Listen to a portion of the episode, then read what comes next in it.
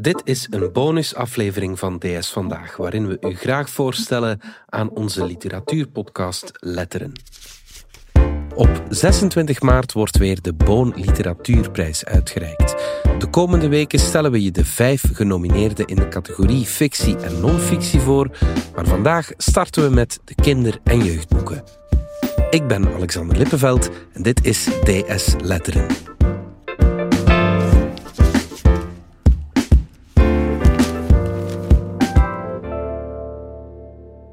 Wordt het een prentenboek over een pad en een slak, een boek vol spreekbeurten van dieren, een dichtbundel van op de zorgboerderij of eentje over het jonge leven, of gaat de prijs naar een roman over Rembrandt? Vanessa Joosen, jij bent eh, professor jeugdliteratuur en Engelse literatuur aan de Universiteit Antwerpen en recensent voor de Standaard der Letteren. Welkom. Dank je. En Vele van den Bos, jij bent cultuurredacteur bij onze krant en ook jurylid van de Boon. Ja.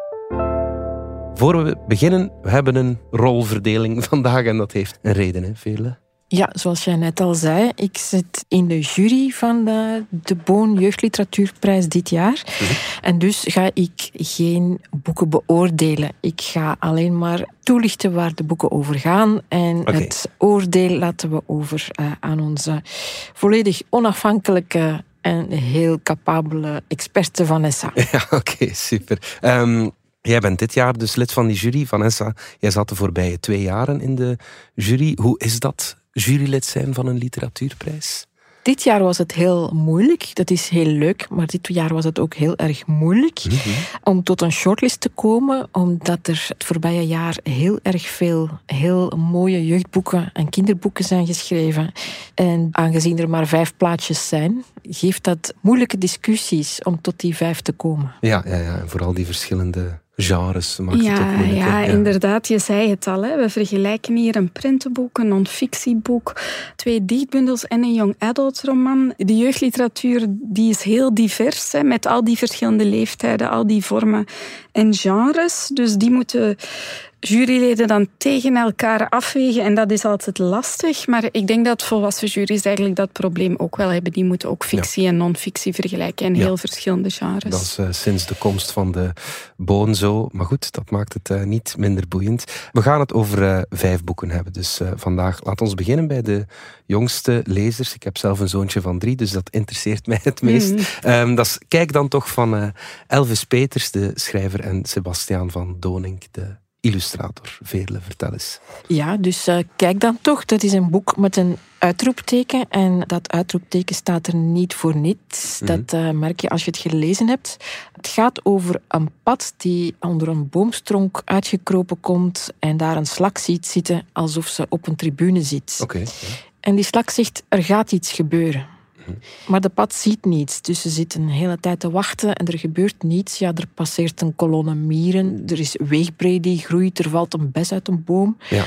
Maar dan komt de apotheose. En het zonlicht komt door het bladerdak en zet alles in een prachtige gouden gloed. Ah, ja. En dan is het weer voorbij. Ah ja, oké. Ja, ja, Dat was het. Het is eigenlijk een heel filosofisch boek over hoe schoonheid eigenlijk te zien is als je ervoor open staat. En misschien ook wel een oproep om wat meer op te kijken van onze mobieltjes. Ja, absoluut. Dat eh, hebben veel mensen nodig, eh, kinderen ook. Wat vind je ervan, eh, Vanessa? Jawel, het is een boek dat niet meteen opvalt. Dus het is wel heel gemakkelijk om, om aan de schoonheid van dat prentenboek eh, voorbij te gaan. Op het eerste zicht lijkt het weinig om het lijf te hebben.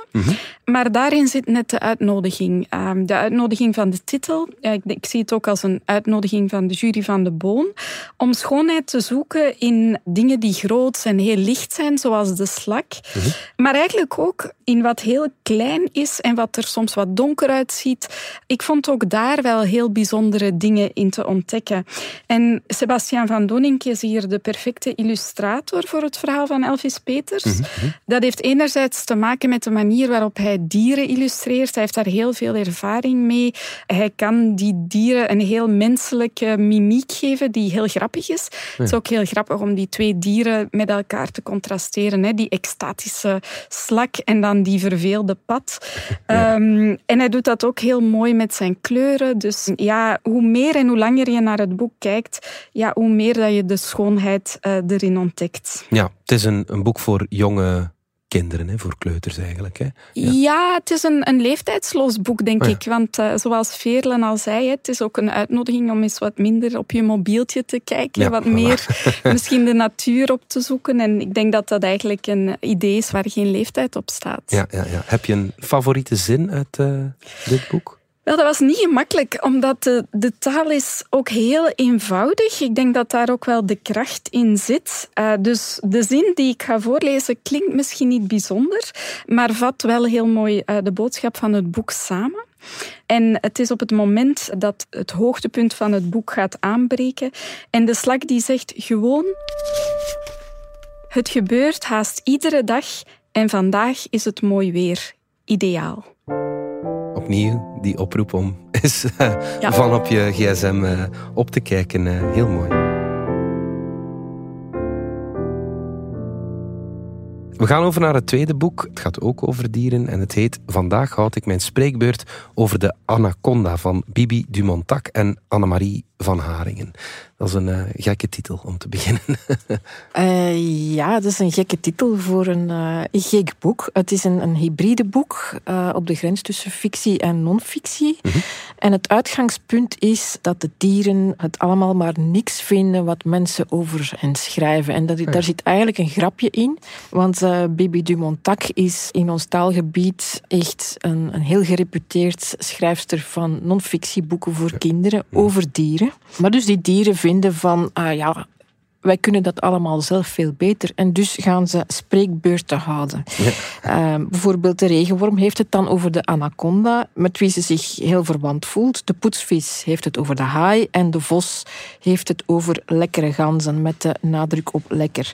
Ehm, het leuke is dat die dieren zich gedragen als een klas. Dus dat is dus heel herkenbaar voor kinderen.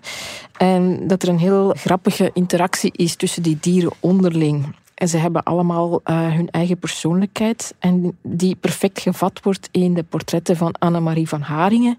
Ja. Die ook uh, een heel gereputeerde illustratrice is ja. van dieren. Ja, ja, ja oké. Klinkt uh, als een heel fijn boek. Was het dat ook, Vanessa? Ja, ja, ik heb er uh, vaak hardop mee moeten lachen. Het is een, een meestelijke combinatie van al die weetjes over die dieren. Dus je leert er ook wel veel uit bij. Maar de reden waarom ik er zo van genoten heb, is toch wel de humor. Mhm. Ik uh, doseer ook Engelse literatuur, je zei het al. En voor mij is dit zo'n beetje uh, de Canterbury Tales voor kinderen. in de ja, zin ja, dat het, het, de formule volgt hè, van verschillende dieren die allemaal iets vertellen. Maar wat ze vertellen zegt soms meer over hun eigen persoonlijkheid dan over het dier dat ze beschrijven. En ze spelen ook voortdurend op elkaar in. Dus er zitten ook heel veel vinnige dialogen in het boek, waar die dieren de draak gaan steken met elkaar. En het, het, nam mij ook echt terug naar mijn kindertijd. Dus het was echt wel een feest van herkenning met ook alle dingen die kunnen misgaan bij zo'n spreekbeurt. En dat is soms echt hilarisch. Van, van zo'n verlegen heremietkreeftje dat niet uit haar woorden geraakt. Maar ook een dier dat gewoon een lange lijst met feitjes afdreunt, waar heel de klas zich gaat vervelen. En dan ook een geweldig hoofdstuk, zo de lefgozer die zijn huiswerk niet heeft gemaakt, dat is hier de brulaap. En die dan maar dingen begint te verzinnen. En die kiest de eenhoorn als dier, dus daar kan je wel uh, wat fantasie voor gebruiken. Ja, ja oké, heel fijn. Uh, heb je ook hier een, uh, een favoriete zin uit dit boek? Ja, ik ga een stukje kiezen uit de spreekbeurt van de sneeuwpanter. Mm -hmm. Een dier dat van zichzelf vindt dat hij niet genoeg opvalt en zichzelf dus eens in de kijker wil zetten. Okay. En hij begint zijn spreekbeurt als volgt. Ik vind het nobel dat de dieren in dit boek allemaal hun spreekbeurt over een ander dier houden en ik zou dat ook wel willen. Maar ik ben genoodzaakt dit keer eens voor mezelf te kiezen. De reden daarvoor is dat niemand ons ziet staan. Wij zijn onzichtbaar en daarom lijkt het of we er niet zijn.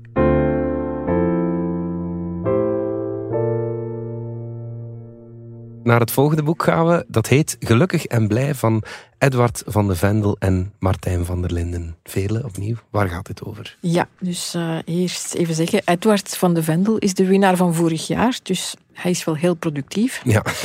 um, dit jaar haalt hij de shortlist met een dichtbundel. Mm En uh, die gedichten zijn geschreven vanuit het standpunt van dieren ook alweer. Ja. Die allemaal wonen op een zorgboerderij die Gelukkig en Blij heet. Mm En Van de Vendel gaat in deze gedichten op zoek naar wat geluk kan betekenen. Eigenlijk nu we voortdurend om de oren worden geslagen met, met woede, met onbegrip, met miljoenen meningen.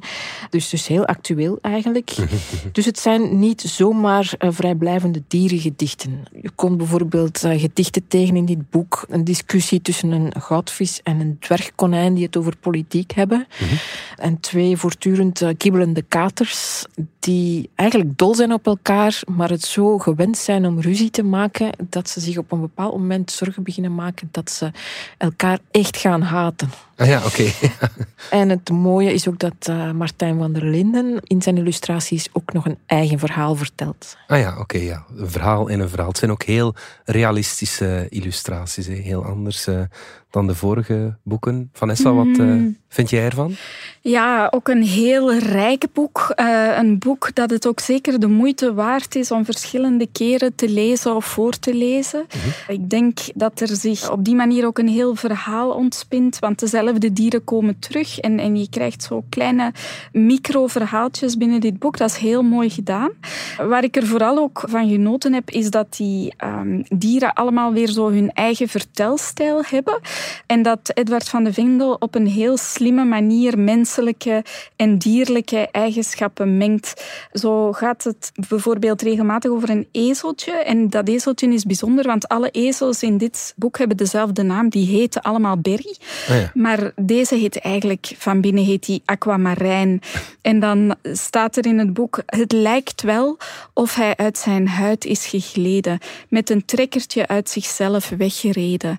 En ik vind dat zo'n mooi beeld om het gevoel te vatten dat je niet helemaal jezelf kan zijn. Helemaal in de leefwereld van een ezel, maar tegelijkertijd ook wel herkenbaar voor mensen. Ja. En ja, zo zijn er heel veel mooie passages in dit boek die ook met heel veel humor verteld worden, maar met zo'n beetje de rode lijn van als je jezelf kan zijn, eh, dan ben je toch vooral het meest gelukkig en blij. Ja, is dat ook je favoriete zin eh, uit het boek eh, over de ezel? Ah, dit is echt een moeilijke, moeilijke vraag, want je kan hier zoveel zinnen kiezen. Maar ik ga voor een andere zin en dat gaat over een hertje. Een hertje dat de kudde niet wil volgen. Uh, het is het hertje waarop niet wordt gelet. En ik, ik ga die zin voorlezen omdat het uh, zo'n mooie boodschap is voor jonge mensen en voor alle mensen eigenlijk. Mm -hmm. Bewegen begint bij gewiebel. Daarom wees eigenwijs. Wees de kriebel. Oh, heel mooi.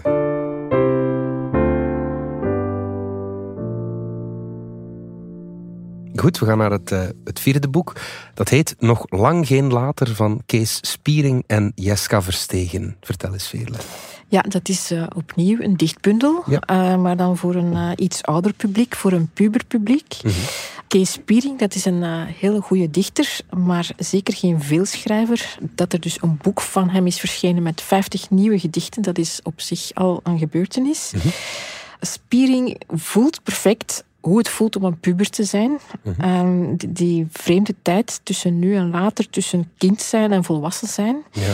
Maar hij is tegelijk ook niet bang om er al in zijn gedicht tussen te schuiven, waarin hij schrijft vanuit het standpunt van de oudere man die hij nu is. Ja. En er zit ook heel veel uh, wereld in deze gedichten. Het gaat ook over vluchtelingen, het gaat over de klimaatproblematiek. Er zit ook een gedicht over Greta Thunberg in, bijvoorbeeld. Ja. En dat is uh, allemaal heel warm geïllustreerd door Jeska Verstegen. Ja, voor bewuste jongeren of jongeren die dat zouden moeten worden, denk ik dan.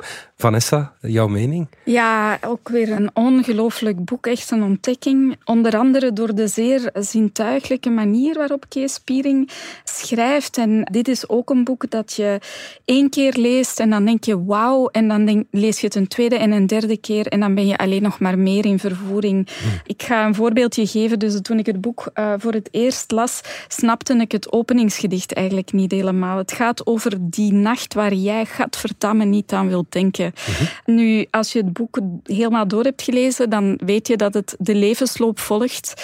En dat dit dus gaat over de nacht waarin het hoofdpersonage verwekt is. Die nacht waar je niet aan wilt denken. Okay. um, uh, en dan krijgt dat gedicht een, een heel ontroerende laag ook, want dan eindigt het dat die ouders sterren op het plafond plakken en dan weet je dat ze zo naar dat kind uitkijken en dat het een eerste manier is om hun liefde te tonen. En dan vervolgens zie je hoe dat kind opgroeit, hoe het de wereld op een heel bijzondere manier ziet en ook soms moeite heeft om liefde uit te drukken. Als de vader met heel veel zorg een kippenhok in elkaar steekt, dan uh, denkt de puber, wauw, ongelooflijk dat hij dat kan, maar zegt hij, waarom moeten wij eigenlijk kippen hebben? Ja, um, Dus die, die tweestrijd zit er heel mooi in vervat. Uh, die gedichten over het ouder worden zijn ook ongelooflijk ontroerend. Ja, echt een, een, een, fantastische bundel. Ja, ik denk dat je opnieuw moeilijk te kiezen hebt wat jouw favoriete zin is. Uh, Klopt, inderdaad. Ik ga uh, voor een gedicht redelijk aan het begin van de bundel. Mm -hmm. Een gedicht dat ik associeer met de kinderblik. En hier gaat het om een kind dat zich inleeft in, je kent dat wel, dat ene errotje dat nog in de pot blijft kleven, dat ene stukje pasta dat achterblijft. En het kind zegt, die moet erbij. Mm -hmm. Als al je vrienden plotseling verdwenen, jij in een vuilniszak waar je niemand kent, niet weet wat er gaat gebeuren. In de pan, zegt papa, is het ook niet fijn. Eerst gekookt, dan opgegeten. Klopt, maar liever met z'n allen weg dan er in je eentje nog zijn.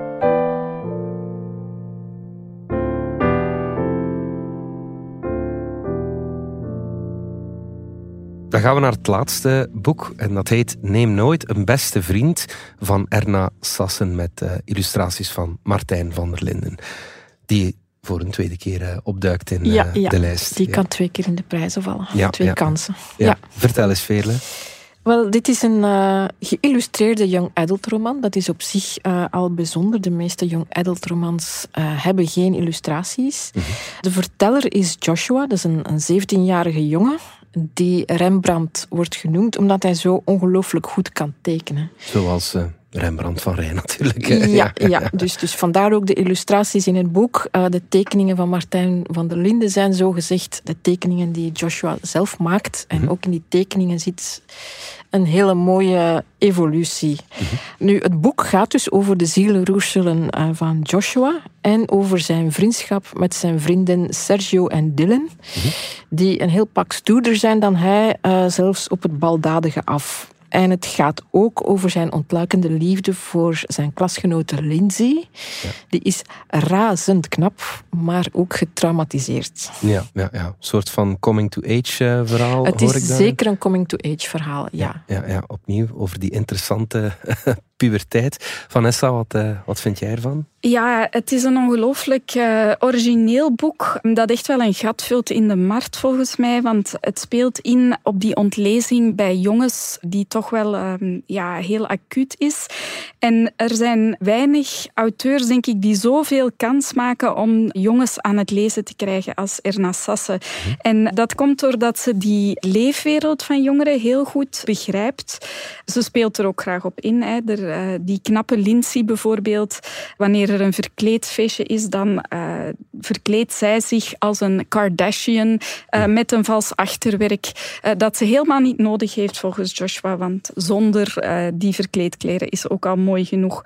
Maar dus ze kent de leefwereld van jongeren goed en ze verheft eigenlijk de taal van jongeren tot literaire taal. En, en dat is heel knap gedaan. Dus ik moet wel zeggen, je moet tegen een stootje kunnen om dit boek te lezen. Hun grappen zijn ook wel grappig, maar helemaal niet politiek correct.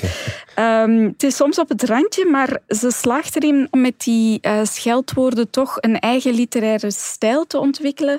En vooral ook in combinatie dan met die prachtige illustraties, ja, is dat een, een zeer aantrekkelijke combinatie die er bij mij ook wel echt ingehakt heeft. Het is een zeer ontroerend boek. Ja, het bespeelt heel veel emoties, maar de rode draad is echt de humor. Die ja. gaat nooit verloren. Ja, ja, ja, nu hoop ik dat er in jouw favoriete zin minstens één scheldwoord uh, zit. Ja, een beetje, min okay. of meer. het, is, uh, het is in elk geval een anti-autoritair statement dat Joshua maakt. Uh, die tieners, dat zijn geen pleasers.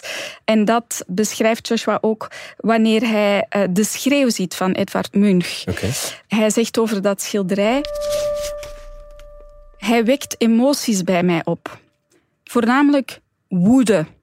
Dat zoiets lelijks zo beroemd kan zijn en zoveel geld waard is. Dat kan alleen in een tienerbrein ontstaan, zo'n gedachte.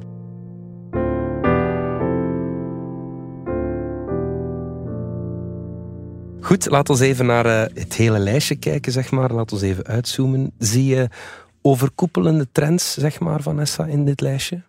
Ja, zeker. Ik ga wel beginnen met het slechte nieuws. Mhm. En dat is uh, ja, de spijtige zaak dat er toch weer weinig uh, makers van kleur uh, op de shortlist en de longlist staan. Mhm, mhm. Het is zeker geen verwijt aan de jury, maar ik denk dat het aanbod daar toch nog altijd wel in tekort schiet. En, en, dat blijft jammer. Ik ken het probleem uit vorige edities van de Boon, maar het is toch wel te hopen dat daar stilaan wat meer verandering in komt.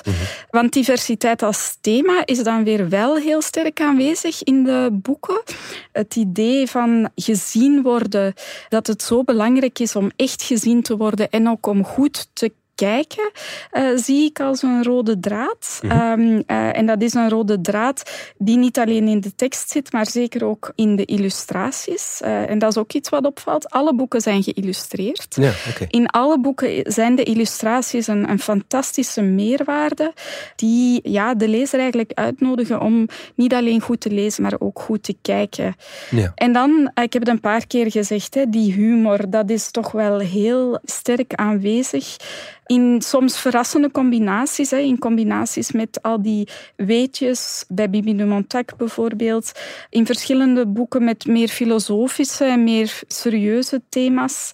Maar die humor als rode draad, uh, die zie ik heel sterk. En dat vind ik zelf ook wel belangrijk. Want uh, laat ons wel wezen, kinderen en jongeren worden met heel veel slecht nieuws, met heel veel polarisering geconfronteerd. Uh, dus deze boeken tonen hen zeker wat er in de wereld gebeurt, ja. maar uh, nodigen hen toch ook wel uit om nuances te zoeken uh, en doen dat dus met heel veel humor. Ja, het is een heel sterke lichting, denk ik. Het is een sterke lichting en op de longlist uh, stonden er nog veel sterke boeken. Dus ja, fijn. Een heel mooi jaar. Ja, ja, ja. Ik ga je toch vragen wie voor jou met de hoofdprijs naar huis moet gaan binnenkort. Wel, moest ik nog in de jury zitten, dan uh, zou ik de kaart trekken van Erna Sasse, denk ik. Mhm. Omdat zij toch wel iets uh, geproduceerd heeft wat echt uniek is. Een heel rijk boek. Een boek dat heel goed in elkaar zit. In een genre ja, dat toch wel moeilijk om te schrijven is. Maar die jonge dood, uh, ja, dat, die, ja. ja. inderdaad, die jonge dood. in het Nederlands voor, voor jongeren. Mhm. Dat is echt een meesterwerk, vind ik. Met dan die illustraties ook erbij. Maar ik ga mijn joker inzetten op het boek van Kees Spiering, die dichtbundel Nog lang geen later. Mhm. Want ook dat is een, ja, een heel straf werk dat bij het herlezen altijd nog maar rijker wordt. Ja, oké, super. Op, uh, op 26 maart weten we wie die boon voor jeugdliteratuur wint. Vanessa Joosen en Vele van den Bos, dank jullie wel. Graag gedaan. Ja. Zo, de kop is eraf. De komende weken stellen we je elke vrijdag één van de genomineerde boeken voor in de categorie fictie en non-fictie. En vergeet ook niet te stemmen op je favoriet, want er hoort ook een publieksprijs bij de Boon. Stemmen kan op standaard.be slash de Boon. Je kan ook een weekendje Turnhout winnen. Dat is dit jaar de gaststad van de Boon.